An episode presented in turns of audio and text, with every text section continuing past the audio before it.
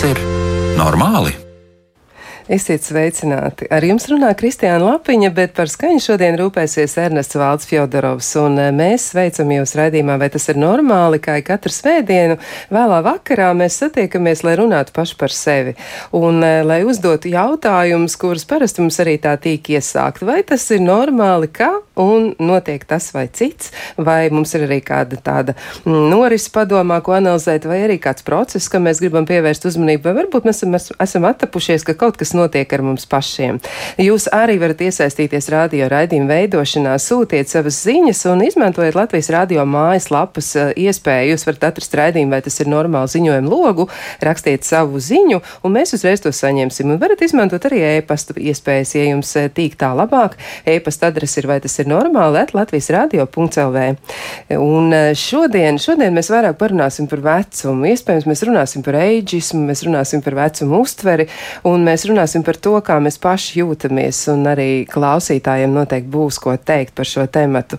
Uzreiz arī gribu iepazīstināt ar studijas viesiem. Pie mums ir Diana Semerova, topošā ķermeņa kustība terapeite. Sveicināti! Sveicināt! Jā, tas laikam nav vienīgais, ko mēs par Diānu varētu teikt, jo, bet nu, es mēģinu tā ļoti lakoniski. Es domāju, ka gadījumā mums sanāks pieskarties arī vēl kaut kādām citām lietām, gan jau Diāna pat vēl pateiks, ar ko viņa papildus nodarbojas, ja, bet nu tāda tiešām ļoti nopietna un svarīga joma, un šķiet arī, ka e, šīs terapijas virziens ir nu, tāds ļoti iecienīts, un cilvēki aizvien vairāk tam pievēršas. Un vēl esam sarunā aicinājuši arī piedalīties Māju Kārkliņa ārsti psihoterapeits. Sveicināti! Sveiki! Nu, lūk, nu tad uh, esam klāt, kā saka, visa komanda ir gatava darboties. Man jāatzīst, es šo te tematu sāku savā galvā apsvērt tajā brīdī, kad es sāku pētīt tādas um, lietas, kas ir saistītas ar. Um, nu, tādu profesionālo izpausmju, um, tā demonstrēšana vienā no sociālajiem um, tādiem tīkliem, jeb aplikācijām, vienlaiks arī tas ir nu, sociāls tīkls, kas ir atrodams arī internetā pilnā apjomā, ja, un proti tur ir runa par profesionālajām kvalitātēm, kuras cilvēki mēģina tā salikt kopā un tad sevi piedāvā darba tirgumu, un es atradu vienu ļoti, ļoti aizraujošu ierakstu, manuprāt, par vienu sievieti, šķiet viņa dzīvo Japānā, man liekas, es nekļūdos, ja, bet dāma ir 81 gads, un viņa ir, e, nu, relatīvi ne nesen sākus nodarboties ar kodēšanu, jau ar programmēšanu. Tieši tā iemesla dēļ, ka laikam kādam no mazbērniem kaut kas bija vajadzīgs, bet viņi saprata, ka nu, viņi mierīgi varētu pamēģināt arī pats saprast, kas tas ir. Un šobrīd izskatās, ka viss veicas labi. Viņai ir savs uzņēmums, un viņa ļoti drošiem soļiem iet uz priekšu. Viņa ir arī kļuvusi par tādu iedvesmotāju, un ļoti daudziem cilvēkiem viņa tiešām sniedz, manuprāt, tādu ļoti, ļoti e, jauku izjūtu par to, ka dzīve var sākties arī šādā vecumā, ja, ar jaunu sparu un ar e, jaunām idejām. Un viņa nav vienīgā, kura ir iedvesmojusi mani runāt par šo tēmu. Ir vēl viena dāma, kas ir tāda modes dāma. Varbūt arī kāds no klausītājiem atpazīst. Tā ir Airis Apfel. Viņa nu pat nosvinēja 102 gadus, ja 102 dzimšanas dienu. Viņa ārkārtīgi krāšņa dāma. Viņa parasti ir tērpusies ļoti, ļoti tādos spilgtos ģērbos. Un, um, Nu, var teikt, ka viņa ir viena no tādām modes ikonām. Ja, nu, tiešām ļoti, ļoti spilgta personība visās nozīmēs.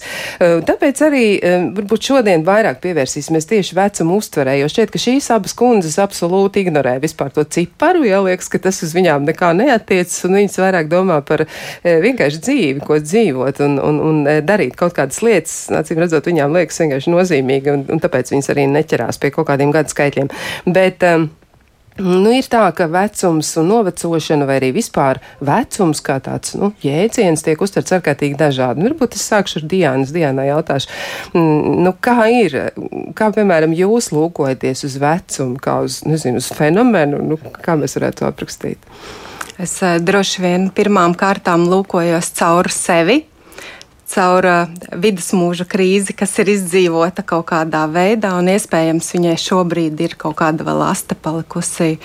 Uh, kurā es atrodos un kurā es analizēju un uh, turpinu vērot sevi spogulī, un vērot sevi iekšēji un ārēji un mēģināt salikt šo kopā. Bet uh, otrs, kas man ar vecumu saistās un novecošanu, protams, uh, tuvinieki, kuri ir bijuši veci un kuri ir aizgājuši, vai tuvinieki, kuri tuvojās vecumam, uh, kad viņi sāk sev nepatikt, vai kad viņi sāk piedzīvot arī kaut kādas uh, izmaiņas iekšējas un ārējas.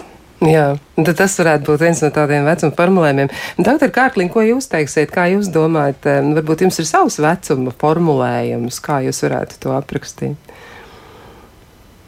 Nu, es teiktu, ka vecuma formulējums laikam šobrīd um, nu, sabiedrībā mainās, ja tā varētu teikt, vai kļūst savādāks. Tā laikam, jā, kad agrāk cilvēki gāja pensijā. E, piemēram, 55 un 60 gados, tad šobrīd mēs ejam pensijā jau citā vecumā. Un, Un tās, kas agrāk bija vecmāmiņas, 55 eh, gados, tās šobrīd, ja viņas arī ir vecmāmiņas, tad viņas ļoti reti pilda šo vecmāmiņas funkciju. Es teiktu, ka laiki drusciņi mainās. Jā, nu tā ir. E, es atradu arī dažas tādas um, atziņas no, no e, pētniekiem, kas ir daudz nodarbojušies arī ar tādām, nu, tiešām tipisku vecumu pētniecību, tā mēs varētu teikt, ja, tā tad gerontologi. Un viens tāds diezgan zināms autors, Edmunds Palmors, viņš ir sarakstījis vairākas grāmatas par novecošanu, dažādiem aspektiem un, un stereotipiem vienlaiks arī. Un viņš norāda, ka, nu, ir ļoti daudz aizspriedumu par vecumu, un tad tas vecums bieži vien tiek asociēts ar kaut kādām tādām lietām, lietām. Nu, piemēram, kaites, nepievilcība. Ja? Nu, tas, tas arī ir kaut kas tāds, par ko cilvēki dažreiz runā. Zudušas prāta spējas, nespēja uztvert reālo dzīvi vai grūtības apgūt jaunas lietas. Un e, būtībā viņa secinājums ir tāds, ka nu, šī tāda, nu, savā ziņā drusku kaitniecība ir notikusi, ja? jo mm, tas mums dara pašiem pāri, tāpēc, ka šie aizspriedumi ir izveidojušies e, sabiedrībā sociāli, ekonomiski un sociāli apsvērumu rezultātā, nevis tāpēc, ka tas būtu dabiski. Nu, tad, e, kā jūs domājat, eh, un te arī, nu, tad atkal jautāšu Diānai, kā jums liekas, kas ir mainījies tieši vecuma uztverē, vai tas, nu, doktor Kārliņa jau teica, ka, nu, tagad vecmāmiņas vairs nav īsti vecmāmiņas, ja mēs tā kā nevaram uz viņām vairs tā skatīties, bet kas ir mainījies, kāpēc mēs sākam vecumu eksploatēt pēc būtības? Nu, tā sanāk, tā izklausās, ka tā ir. Es uh, skatos albumus, un es uh, redzu, ka mana vecmāmiņa, vectētiņš, mamma, viņi izskatījās kaut kādos 40, 50 gados jau kā tiešām veci cilvēki. Uh, un pieļauju, ka viņi arī daudz strādāja, un viņi arī bija veci cilvēki, arī iekšēji veci cilvēki. Es esmu no tiem cilvēkiem, kas 35 gados apprecējās un 36 gados piedzemdēja pirmo bērnu. Un, jā, šobrīd man ir 44. Un, uh, es uh, esmu uz jaunas profesiju, respektīvi mainu profesiju un esmu ceļā uz jaunu profesiju. Un, uh, man liekas, ka mēs uh, jūtamies iespējams jau arī citādāk iekšēji, kad ir ļoti daudz spēka un pienāk klāt arī tās zināšanas, un ir iespēja saprast, kas tu esi Un vai tas tavs izvēlētais ceļš jaunībā ir tiešām tavs ceļš, kuru tu gribi iet visu savu dzīvi, vai tu gribi kaut ko mainīt, un kāpēc tu gribi mainīt? Un man liekas, ka mainās vērtības, un mainoties vērtībām, notiek dabisks ceļš, arī mainās vēlme mainīt profesiju un iespējams atrašanās vietu un situāciju, kur tu esi un kā tu gribētu būt, vai kur tu gribētu būt. Mm -hmm. Jā, doktor Kārkliņ, ko jūs domājat, kā ir, vai tas ir kaut kā citādi šobrīd? Ja mēs domājam par... Jā, es piekrītu iepriekšējai runātājai pilnīgi noteikti. Un, um, es domāju, jā, ka nu, laiks mainās, uh, vai uz labu, vai uz sliktu. To neviens nezina nekad. Bet, bet šobrīd tā situācija ir tāda, jā, ka uh, nu, tas, kas bija agrāk, tas šobrīd vairs nav tik aktuāli gan ģimenes veidošanas ziņā, gan izglītības iegūšanas ziņā. Un šobrīd ir arī citi laiki tādā ziņā, ka ir citas iespējas. Agrāk tomēr tās iespējas bija mazāk, tagad, ies, tagad iespējas ir ļoti daudz un dažādas. Un būtībā tās iespējas ir nu, teiktu, pieejamas faktiski gandrīz visiem cilvēkiem. Vienkārši viss ir atkarīgs no tā, vai cilvēks vēlas vai nevēlas. Uh, Eh, kaut ko savā dzīvē mainīt. Ja? Un es te klausos, kad mm, 44 gados cilvēks taisās mainīt profesiju. Ja? Nu, tad man jāsaka, ka man bija nu, savā ziņā līdzīgi. Es 45 gados, um, nu, pat jā, kaut kādos 45 gados apmēram, es mainīju medicīnā specialitāti. Ja, arī bija tas, kad es sapratu, ka tas, tas, tas viens ir noiets posms, un es gāju mācīties uh, vēlreiz uz Stradiņu universitāti. Tā kā, nu, jā, man, man arī pašai tāda pieredze ir, kad arī kaut kādā zināmā vecumā tu vari iet un, un, un, un, un apgūt kaut kādas pi pilnīgi citas lietas, sākt pilnīgi citu darbu. Uh, būtībā medicīnā un, um, un justies apmierināts ar to, ko tu dari. Bet tas noteikti bija milzīgs izaicinājums, doktor Kārkliņš. Es atceros, ka profesors Vētris savulaik teica, ja, nu, ka cilvēki pēc 40 viņas nevar studēt medicīnu. Nu, labi, jūsu situācija bija savādāka. Ja jūs bijāt tajā brīdī jau gatava ārste, jūs nu, strādājāt savā profesijā un jūs mēlē, vēlējāties mainīt šo virzienu, bet tomēr nu, jūs nesabijāties no tā, ka jūs būsiet nu, studenti, kur ir divreiz vecāki par saviem kolēģiem bez maz vai brīžam.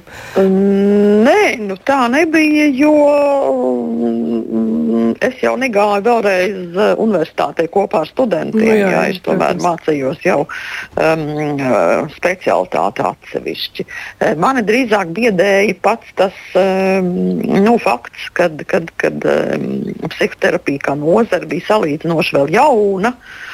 Un, nu, es tikai tagad redzu, ka būtībā nu, viņi sāk jā, diezgan lieliem soļiem ieiet arī Latvijā. Uh, un, un cilvēki pamazām sāk atpazīt un saprast, kas ir psihoterapija un kas ir psihoterapeits. Un, un to, ka tas ir vajadzīgs un tā tālāk. Bet, nu, teiksim, gadus 40 atpakaļ eh, neviens īsti nezināja, kas tas, kas tas vispār ir. Un, un, un tajā laikā Padomu Savienībā nekā tāda arī nebija.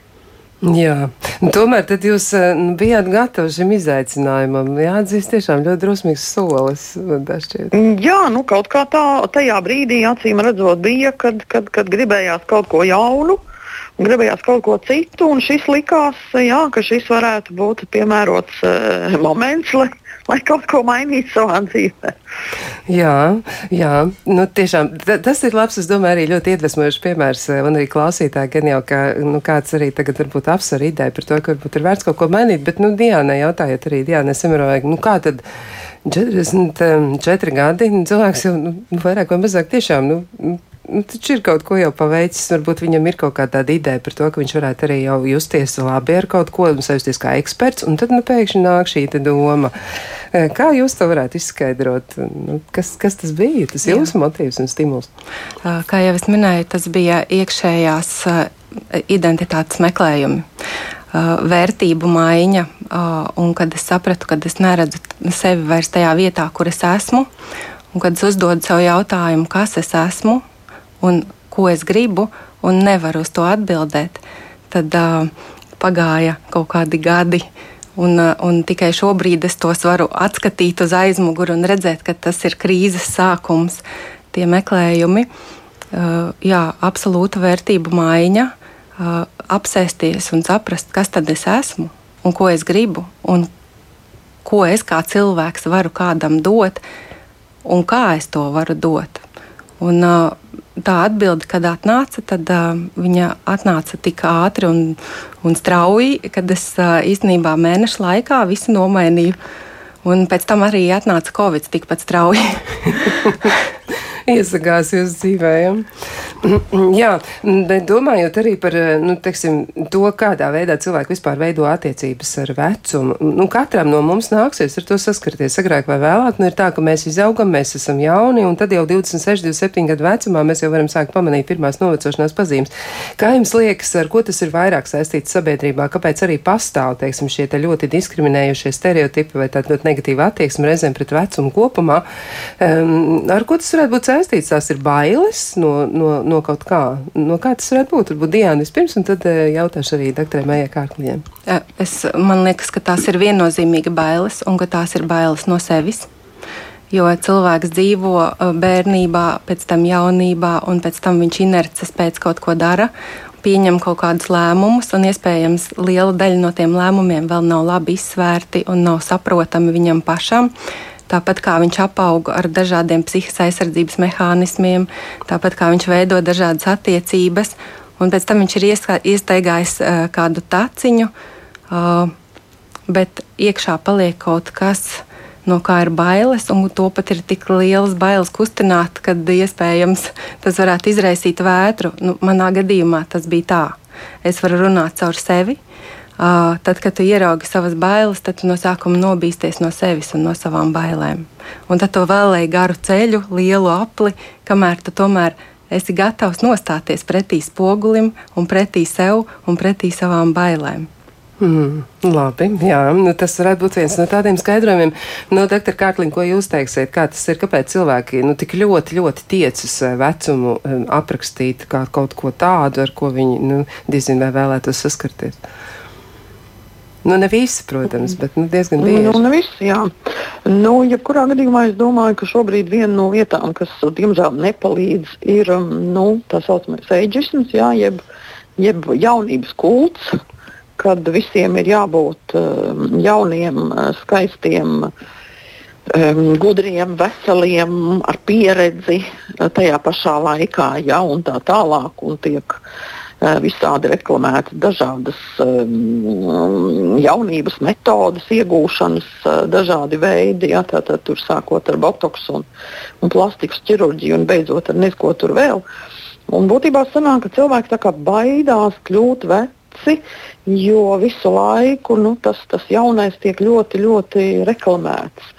Un viņiem ir bailes par to, ka kaut kas mainīsies viņu dzīvē, gan sociālā ziņā, gan emocionālā, gan veselības uh, stāvokļa ziņā, ka tas vecums pienāks un tas būs kaut kas briesmīgs. Un, nu, tad cilvēks arī no tā bēg. Ja, no tā bēg un, un reizēm dara kaut kādas uh, pilnīgi nesaprotamas lietas šajā sakarībā. Mums nav tā, tā, tā, tā es teiktu, tā, nu, varētu teikt, tās saprašanas par to, ka kad vecums, um, nu, ka viņš pienāk nu, salīdzinoši, tā, pakāpeniski.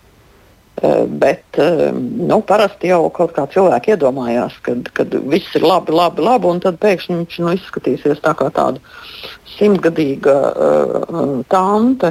Lai gan par to, ko mm, teicāt par to mm, modeli 102 gadīgo. Jā. Jā. Es arī viņu esmu internetā uzskatījusi un, un, un skatos uz viņu ar apbrīnu. Un saprotu, ka nu, tas ir cilvēks, kas, nu, kas ir mierā ar to, kas notiek kas ir mierā ar to, ka viņai ir 102 gadi. Tajā pašā laikā viņa var uzģērbt kaut ko spilgti, dzeltenu vai spilgti zaļu.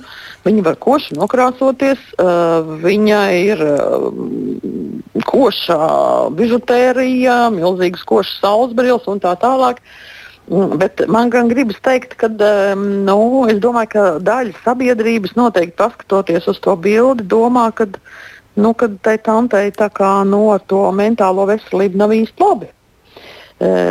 bet, bet es domāju, ka tas ir tieši tas nu, piemērs, kā būtībā cilvēks jebkurā vecumā var, var izskatīties uh, koši jauni. Es domāju, ka viens arī labs piemērs uh, bija um, Karaliene Elizabete, kura līdz pat savam nāves brīdim, var teikt, ģērbās arī ļoti koši.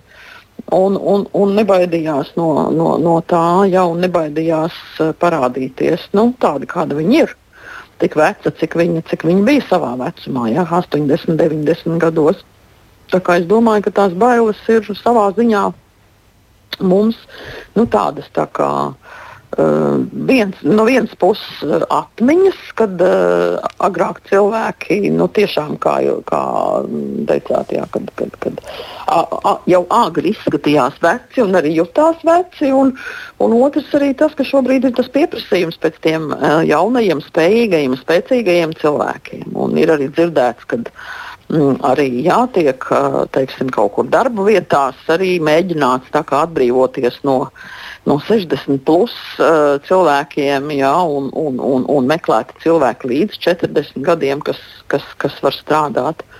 Tas gan nekur netiek teiksim, no tā skaļi reklamēts un, un, un, un stāstīts, jā, bet nu, tīri pēc tā, kā tas notiek, nu, to tā var saprast katrā ziņā. Ja? Kad neskatoties uz to, ka it kā ir demokrātija gan dzimuma ziņā, gan vecuma ziņā, gan visādā citādā ziņā, viss ir līdzīgi un vienlīdzīgi, bet tomēr parādās gan šīs vecumā, gan arī nu, šīs dzimuma izvēles. Ja? Nerakstītas izvēles, teiksim tā. Jā, vispār tas, ko jūs sakāt, ir jāņem noteikti vērā, jāliek aiz auss, jo saskaņā ar aplēsēm Eiropas Savienības 27 dalībvalstu iedzīvotāju kopskaitā tuvākās desmitgades laikā nav paredzams nekāds būtisks pieaugums. Ja? Tas nozīmē, ka nu, mazie, mazie bērni, ja, jaunā paudze nu, nemaz tā ļoti strauji mums nepievienosies, un tad ir tādas aplēses, ka no 446,8 miljoniem, kas bija 2019. gada 1. janvārī Eiropas Savienībā, ja 27 dalību valstīs, iedzīvotāju kopskaits 2026. līdz 2029. gadam, ja periodā varētu tātad sasniegt 449,3 e, miljonus. Ja, nu, tas nozīmē, ka tur tās izmaiņas ir tādas no nu, ārkārtīgi mazas, ir ļoti niecīgas. Mm -hmm. Savukārt tie vecākie cilvēki, kuriem ir 65 un vairāk gadu, viņi īpatsvars pieaugs ievērojami. Un te ir e, tie dati tādi, ka no 90,5 miljoniem 2019. gada sākumā līdz 129,8 miljoniem 2050. Gadā. Līdz ar to tie cilvēki, kuriem ir 75 līdz 84, jā, šie cilvēki, tātad eh, viņu eh, skaits procentuāli pieaugs par 56,1%, bet 85 plus, jā, šādu cilvēku skaits vairāk nekā divkāršosies. Nu, lūk, un eh, līdz ar mm. to mēs varam teikt, ka pieaug nu, šo te vecāko cilvēku loma, nozīmība un nu, tā vieta sabiedrībā ir jāmēģina saprast. Tad, ko varētu darīt lietas labā, lai mainītu sabiedrības attieksmi pret vecumu, ja reiz mēs tomēr esam sabiedrība, kas noveco, mums būs jārēķinās ar šo. Mēs nekur nevarēsim sprukt. Nu, primāri jau izglītot. Izglītot par to, ka tava veselība ir atkarīga primāri no tevis, un ka tev par to ir jāsāk domāt jau gana ātri un jaunībā.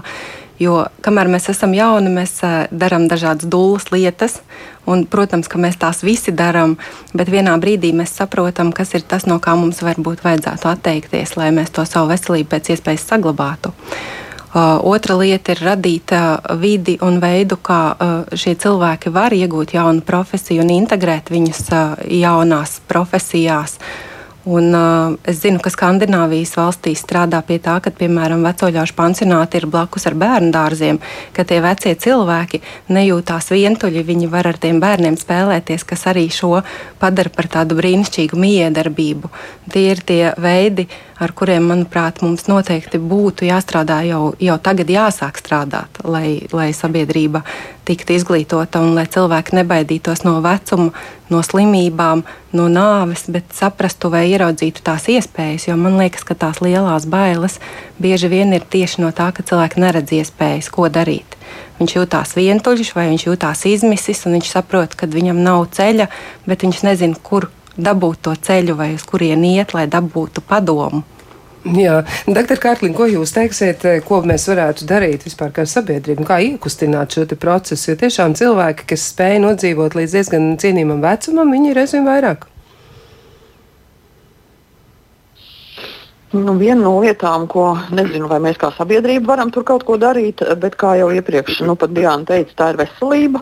Mm -hmm. Tātad par to būtu noteikti jādomā um, gan, protams, par profilaksu, gan arī e, par to, lai um, cilvēkiem, kuri vairs nav jauni, e, lai tomēr būtu pieejamas e, nu, dažādas tātad, veselības uzlabošanas iespējas un, un, un ārstnieciskās iespējas un tā tālāk. Jo nu tā, diemžēl, ir, jo cilvēks ir vecāks, jo tās slimības ir vairāk. Bet tajā pašā laikā ļoti daudz kas ir atkarīgs arī no dzīvesveida.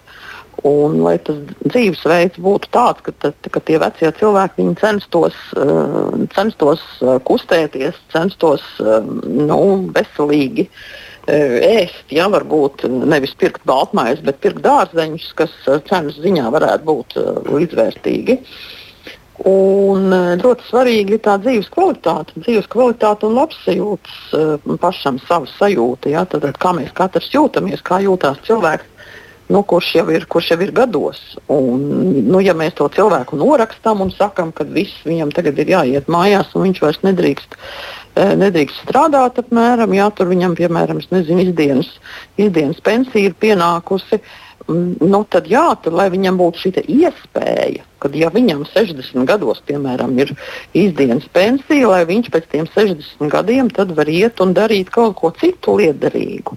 Sabiedrībai un arī sev, lai viņam 60 gados, ja viņš ir labā fiziskā formā, viņam 60 gados nav jākļūst par mājās sēdētāju. Es domāju, ka viņš, ja viņam ir laba veselība, tad cilvēkam viņš 60 gados var mm, nest labumu gan sabiedrībai, gan arī valstī maksāt nodokļus vēl.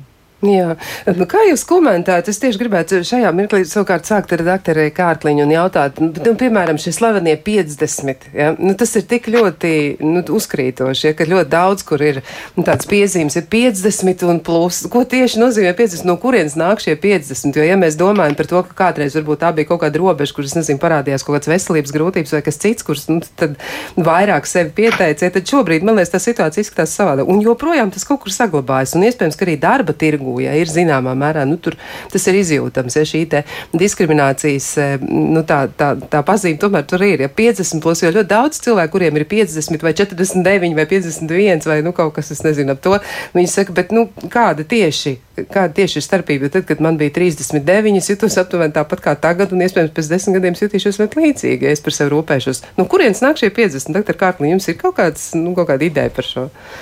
Nu, godīgi sakot, man īsti idejas nav, no kurienes tas nāk. Es domāju, ka tas iespējams nāk varbūt eh, tiešām no padomu laikiem un no tā, ka sievietes no 55 gadiem gāja pensijā. Mm. Nu, es nezinu, man varbūt no kaut kādiem, es nezinu, kā ir tur ārzemēs bijis ar pensijā iešanu savā laikā, vai tur arī nebija kaut kādi 50 ar kaut ko gadi kādreiz. Jā, jo tas dzīves ilgums jau pa palielinās un līdz ar to arī nu, viņš palielinās, tāpēc ka veselība ir labāka, jā, mūsu dzīves apstākļi ir labāki, dzīves ilgums palielinās.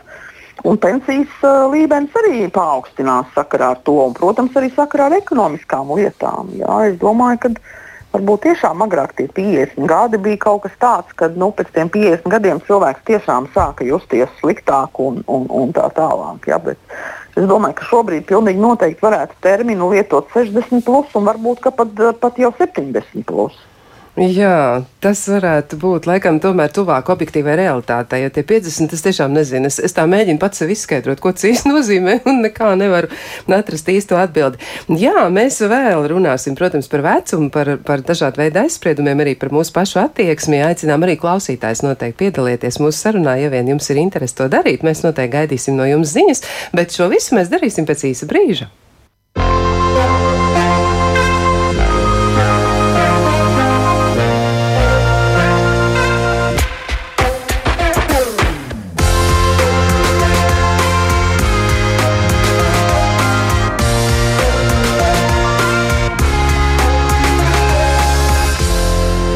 Tas ir normāli? Šodien mēs runājam par vecumu, par vecumu uztveri, par to, kā mēs paši jūtamies savos gados un eh, kā mēs varam raudzīties uz vecumu kā uz fenomenu. Un um, atgādināšu arī par studijas viešņām. Pie mums ir Diana Semerova, topošā ķermeņa kustība terapeita un Maika Ārkliņa ārste, psihoterapeite.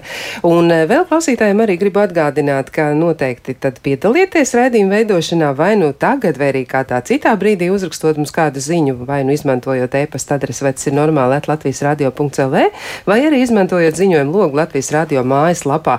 Un noteikti arī nepalaidiet garām iespēju klausīties raidījumus arhīvā. Varat atrast tos Latvijas radio mājaslapā ļoti vienkārši pēc raidījuma nosaukuma, un tur jau nu būs ļoti daudz dažādi jau skanējuši raidījumi par dažādiem tematiem, un iespējams kāds no tiem jūs ieinteresēs. Bet eh, šis ir tas jaukais mirklis, kad man ir jāuzdod jautājums studijas viešņām, un tas jaukais mirklis ir klāt.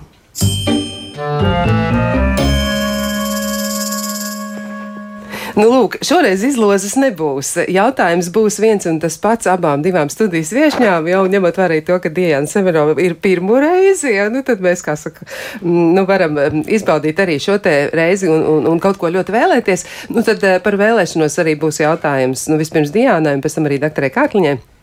Kas ir tas dienas, ko jūs vēlaties izdarīt? Nu, tāds ļoti, ļoti liels sapnis, ja neraugoties uz vecumu, kurš varbūt kaut kad pienāks, bet uh, jūsu sapnis, ko jūs gribētu izdarīt, un varbūt tas ir ļoti izaicinošs, varbūt ļoti liels, bet nu, cerams, ka atklājums arī klausītājiem. Mans sapnis eh, šobrīd tas ļoti lielais ir saistīts ar šo manu profesiju, deju un kustību terapeits. Es domāju, ka tas ir tikai sākums un ka es tikai, tikai ienirstu zināšanu uh, jūrā un arī pieredzē. Un, jā, šo es vēlētos iet tajā lielajā dziļumā un pamatīgi nest to vārdu un, un, un to visu, ko tas sevi ietver šeit, Latvijā, uz vietas. Jā, tad jūs gribat būt tāds cilvēks, kas nu, varbūt atnesīs arī kādas jaunas vēsmas, jau ieviesīsiet, un tad, nu, tad padarīsiet visu, lai tas šeit arī attīstās. Jā, nu, tas ir vērtīgs sapnis, cerams, ka tas arī īstenosies, neatkarīgi no tā, kā gadi ies uz priekšu. Mēs ceram, ka iespējami ātrāk, protams. Nu, doktor Kārkliņ, vai jums ir kas tāds, ko mēs varam nosaukt, varbūt arī, nu, noklausoties, ko jūs teiksiet, ka tas ir, jā, tas ir sapnis, to ir vērts īstenot? Nē, esmu tādās kategorijās domājusi. Tas ir ļoti liels pārsteigums šobrīd man, par ko, par ko domāt. Jā. Nu, Pirmais, kas nāk prātā, laikam, ir, kad, jā, kad nu, sapnis būtu novecot, ja tā var teikt, lēnām un pamazām, un um, ļoti ilgi, pēc iespējas ilgāk spēt, uh, spēt darīt uh, dažādas lietas, uh, tajā skaitā strādāt, tajā skaitā ceļot. Nu, laikam tādā veidā varētu teikt. Jā, tas varētu būt izaicinājums. Tas man tāds piedāvājums. Jums varbūt tas varat arī apsvērt to, ka jūs varētu būt vecākā, nu tāda strādājošā un ārkārtīgi iecienītā psihoterapeite Latvijā, piemēram. Nu, uz kaut kādu mirkli, ja tur tā kā tur tev tas Jā, tops varētu. Šis izklausās labi, jā. Nu, jā.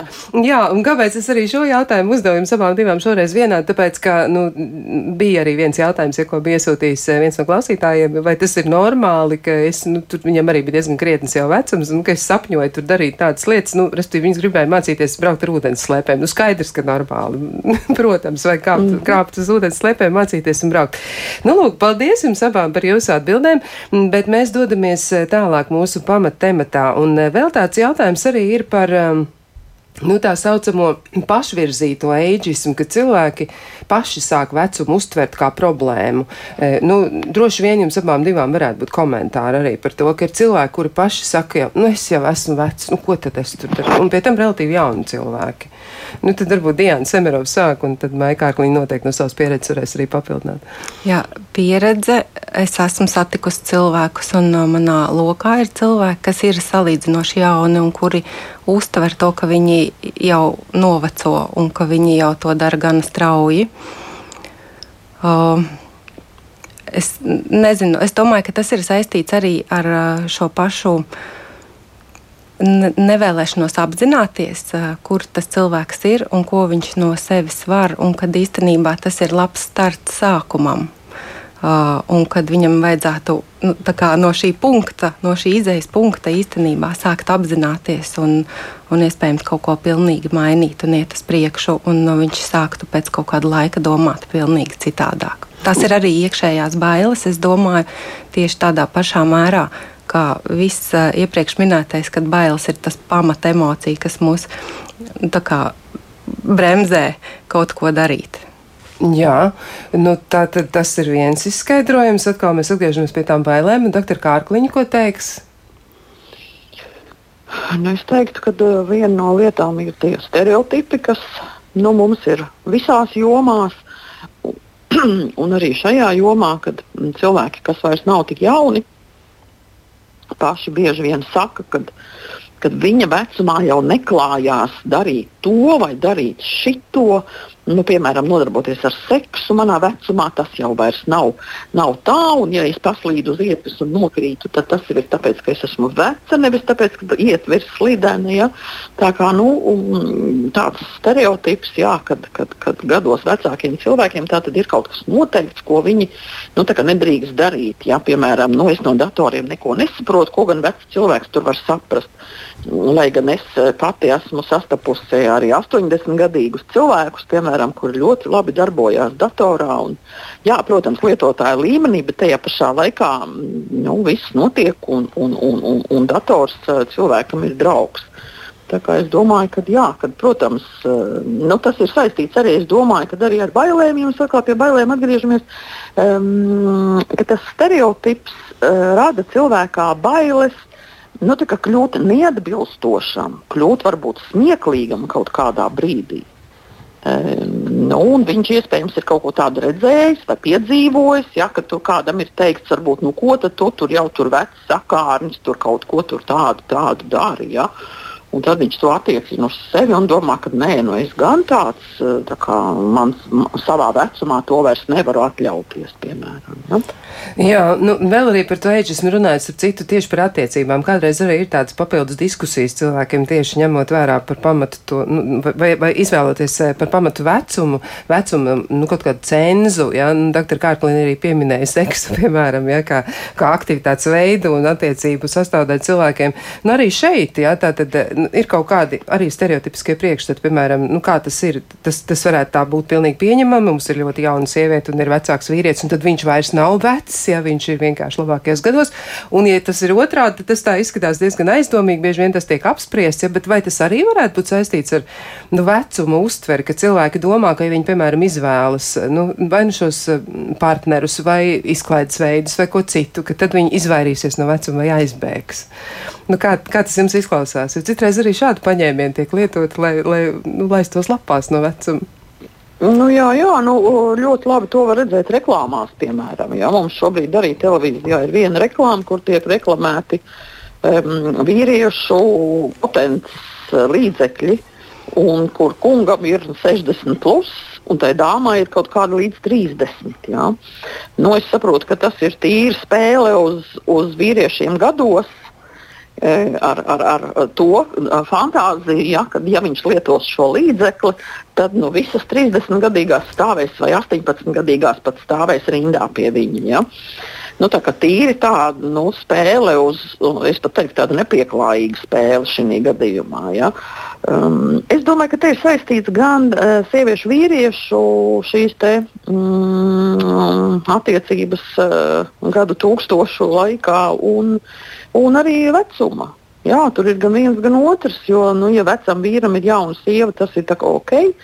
Bet, ja mm, vecākais sieviete ir jaunāks uh, vīrs, tad tas neskaitās pieklājīgi vairs. Jā. Es domāju, ka tas arī ir stereotips tīri vienkārši. Jā, jā nu, ko Diana domā par bēgšanu no vecuma ar dažādiem paņēmieniem? Mm -hmm. uh, stereotipi Latvijā šeit ir ļoti dziļi iesīkstējuši.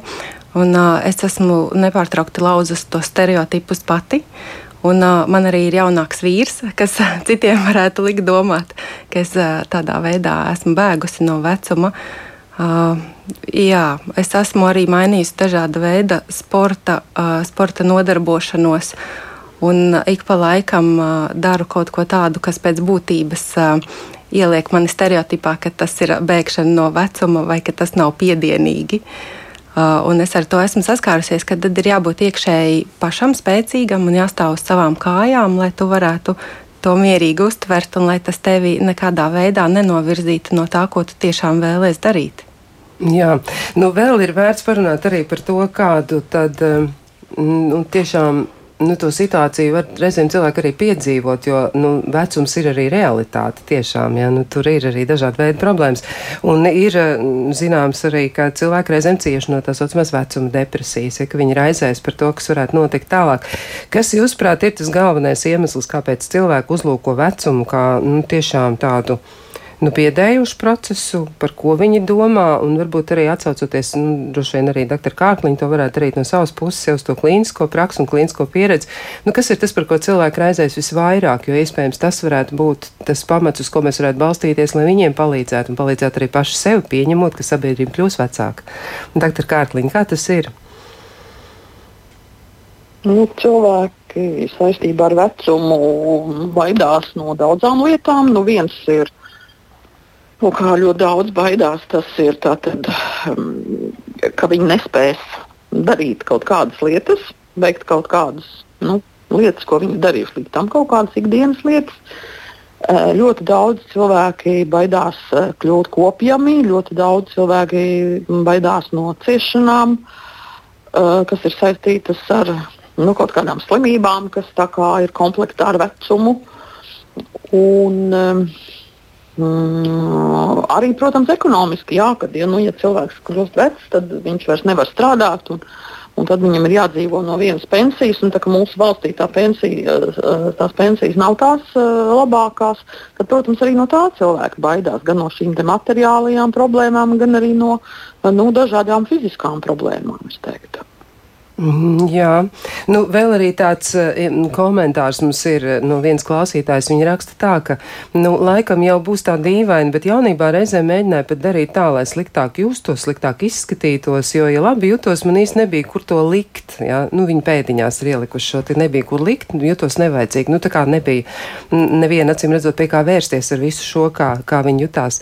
Un uh, patreiz tāpēc pat jūtos labāk, jo vairs neko nevēlos. Nu, Doktor Kārklin, kā jūs komentētu? Un tad, nu, tad tādu bezcerību tomēr drusciņi vīd cauri šim komentāram un tādu, nu, maz drusku tādu fatalitātes izjūtu.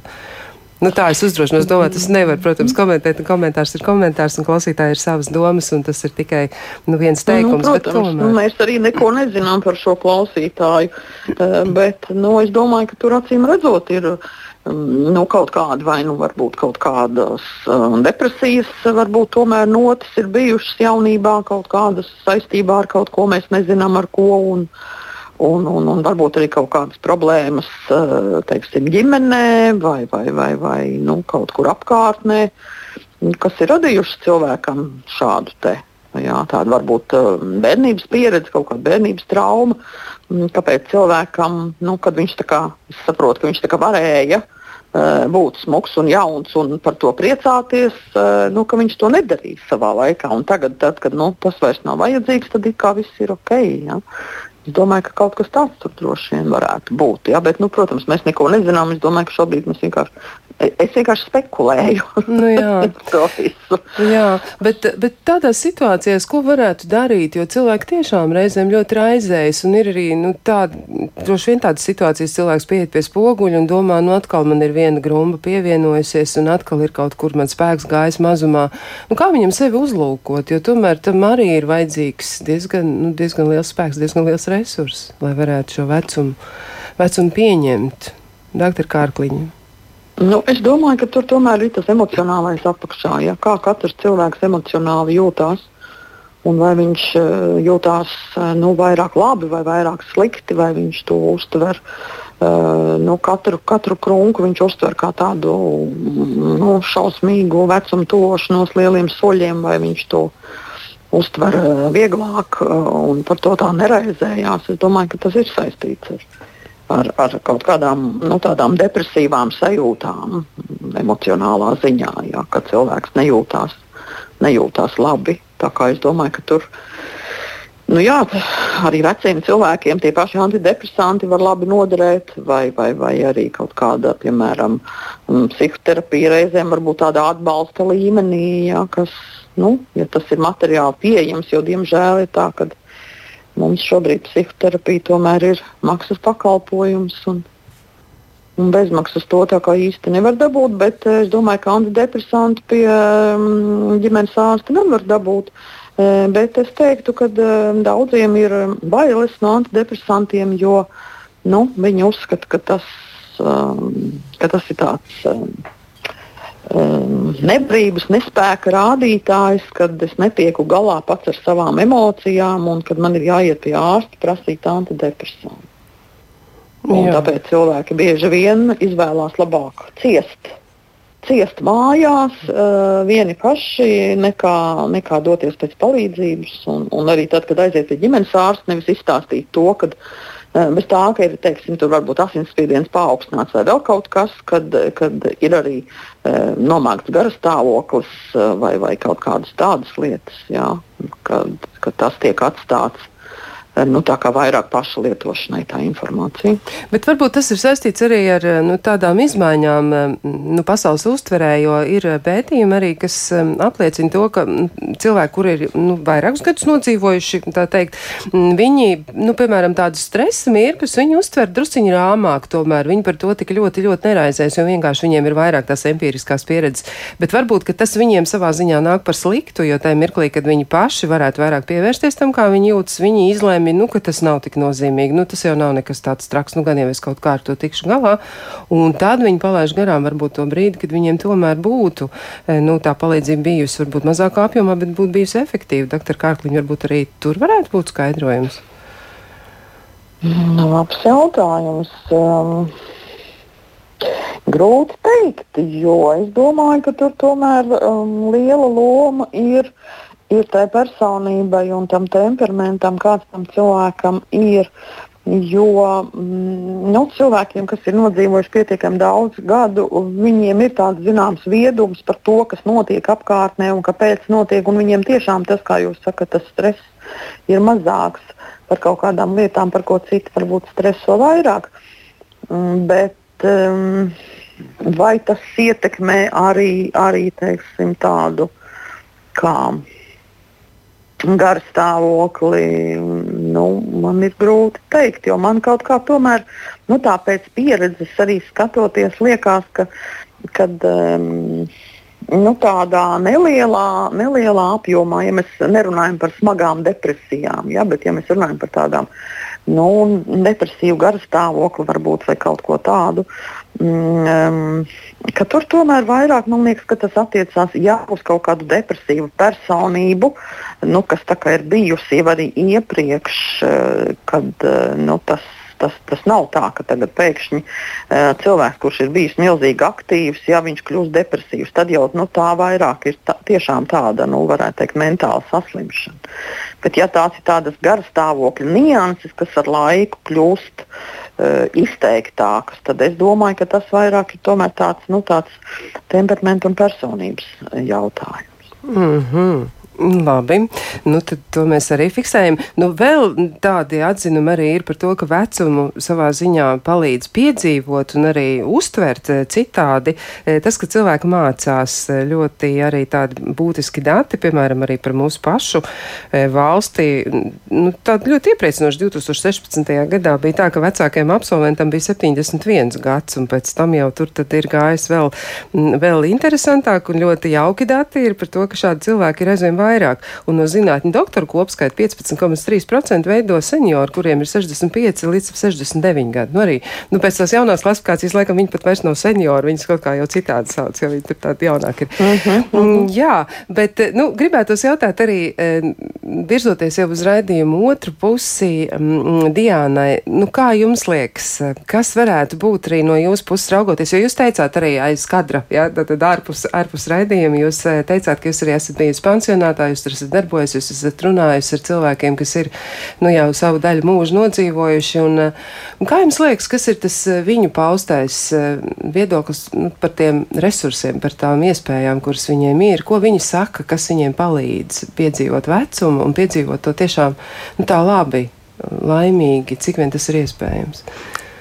Nu, patiesībā mana pieredze ir, ka viņi runā maz, un, uh, un viņi pēc būtības nav gatavi ļoti dalīties bet tā otra pieredze, ka kustība rada šo prieku. Tātad man liekas, ka ir ļoti būtiski, ka cilvēkiem ir iespēja kustēties un kaut vai iet garās pastaigās, vai kaut vai kaut kādā mm, pie patīkamas mūzikas, nezinu, izkustināt vai kaut ko atcerēties un, un jā, izkustināt savu ķermeni. Tas rada pozitīvas emocijas.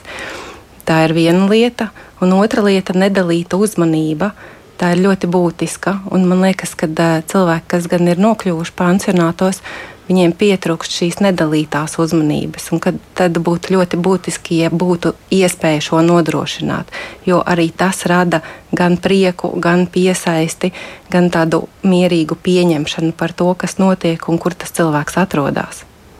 Jā, vai viņi vēl kaut ko saka, kas viņiem varbūt trūkst, ko viņi gribētu, lai viņiem būtu tomēr nu, vieglāk piedzīvot to laiku? Nē, es... viņi tiešām maz runā. Maz runā. Vismaz tā mana pieredze ir, tā, ka kad, kad runā ļoti maz.